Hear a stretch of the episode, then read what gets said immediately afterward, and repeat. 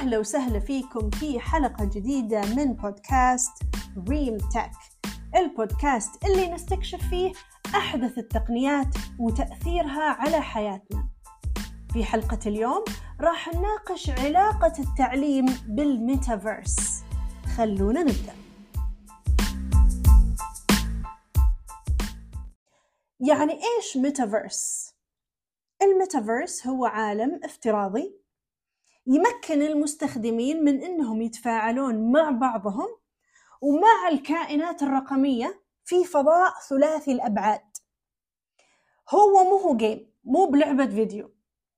ولكن الميتافيرس يمثل مجال جديد يمكن الناس من إنهم يتعلمون ويشتغلون وأيضا يعيشون مع بعض.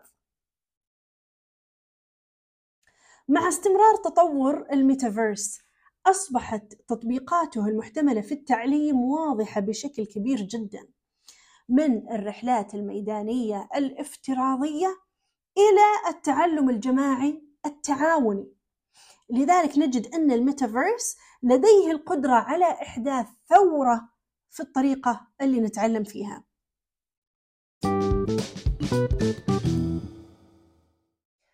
طيب بالضبط إيش هو الميتافيرس؟ وليش في صلة بين الميتافيرس وبين التعليم؟ الميتافيرس زي ما ذكرنا سابقا هو عبارة عن مساحة مشتركة. هذه المساحة تمكن الأشخاص من أنهم يتفاعلون مع بعضهم البعض ومع الأشياء الرقمية في الوقت الفعلي. الميتافيرس يتيح تجربة غامرة immersive بالكامل. تتيح للمستخدمين التفاعل مع بعضهم ومع البيئة بطرق كانت مستحيلة في السابق. أيضا يعني إيش هذا الكلام؟ يعني مثلا في مجال التعليم الميتافيرس ممكن يوفر تجربة تعليمية أكثر جاذبية وشخصية.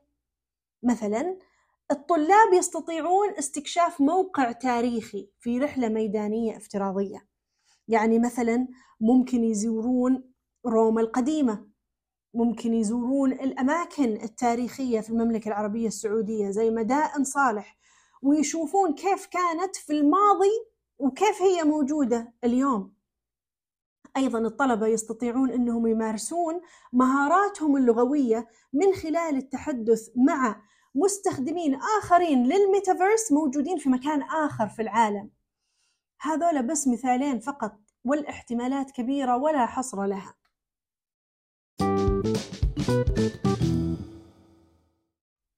طيب إيش هي مزايا الميتافيرس للتعليم؟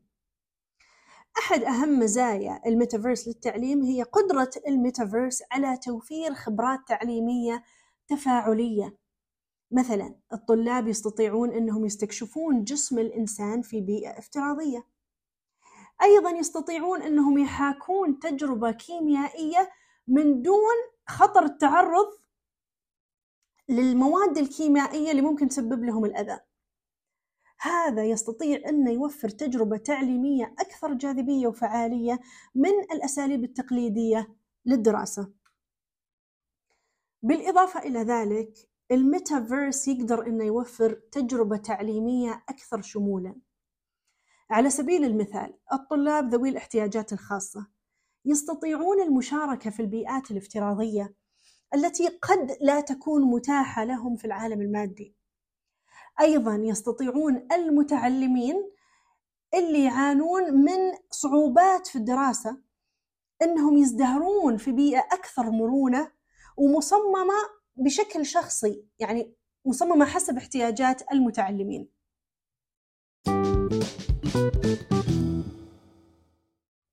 أحد أكثر تطبيقات الميتافيرس إثارة في التعليم هو قدرة الميتافيرس على التعلم الجماعي التعاوني. في الميتافيرس الطلاب يقدرون يشتغلون مع بعض في مشاريع وواجبات في مساحات افتراضية بغض النظر عن موقعهم الفعلي. يعني مثلا طالب من الرياض يقدر يشتغل مع طالب في جدة يقدرون يشتغلون مع طالب في القاهرة مع طالب في نيويورك في نفس الوقت. وهذا يستطيع أنه يوفر تجربة تعليمية أكثر ديناميكية وجاذبية. ليش؟ لأن الطلاب يقدرون يتعلمون من بعضهم البعض ومن تعاونهم في الوقت الفعلي. وفوق هذا كله يستطيع الميتافيرس أنه يوفر فرص جديدة للتعلم وللتوجيه من نظير إلى نظير. المستخدمين المتمرسين في بيئة الميتافيرس يقدرون أنهم يشتغلون كموجهين أو مشرفين لمساعدة المستخدمين الجدد على التنقل في البيئة الافتراضية. ويقدرون أيضا أنهم يقدمون لهم إرشادات حول موضوعات مختلفة.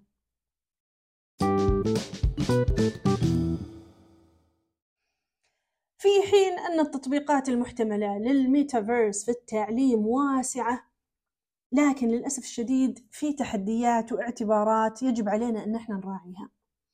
على سبيل المثال قضايا الخصوصية والأمان يجب علينا أن إحنا نعالجها ونهتم فيها لضمان حماية المستخدمين في العالم الافتراضي وأيضا يجب تصميم الميتافيرس مع مراعاة إمكانية الوصول لضمان أن جميع المتعلمين يستطيعون المشاركة والاستفادة من هذه التقنية الحديثة.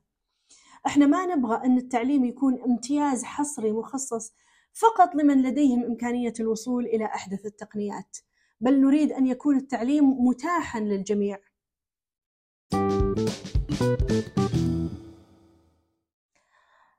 لما نجي ننظر إلى المستقبل نجد أن الميتافيرس لديه القدرة على تغيير الطريقة اللي نتعلم فيها وأيضا الطريقة اللي نعلم فيها لذلك من خلال توفير تجارب تعليمية غامرة وجذابة وشخصية يقدر الميتافيرس إنه يساعد المتعلمين من جميع الأعمار ومن جميع الخلفيات على الازدهار.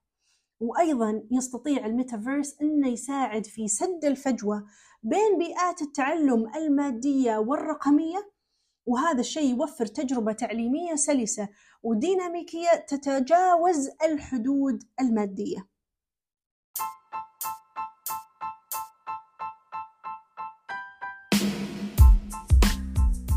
وبكذا نكون وصلنا لنهاية حلقة اليوم من بودكاست دريم تك نشكركم على حسن استماعكم وانتظرونا الأسبوع القادم.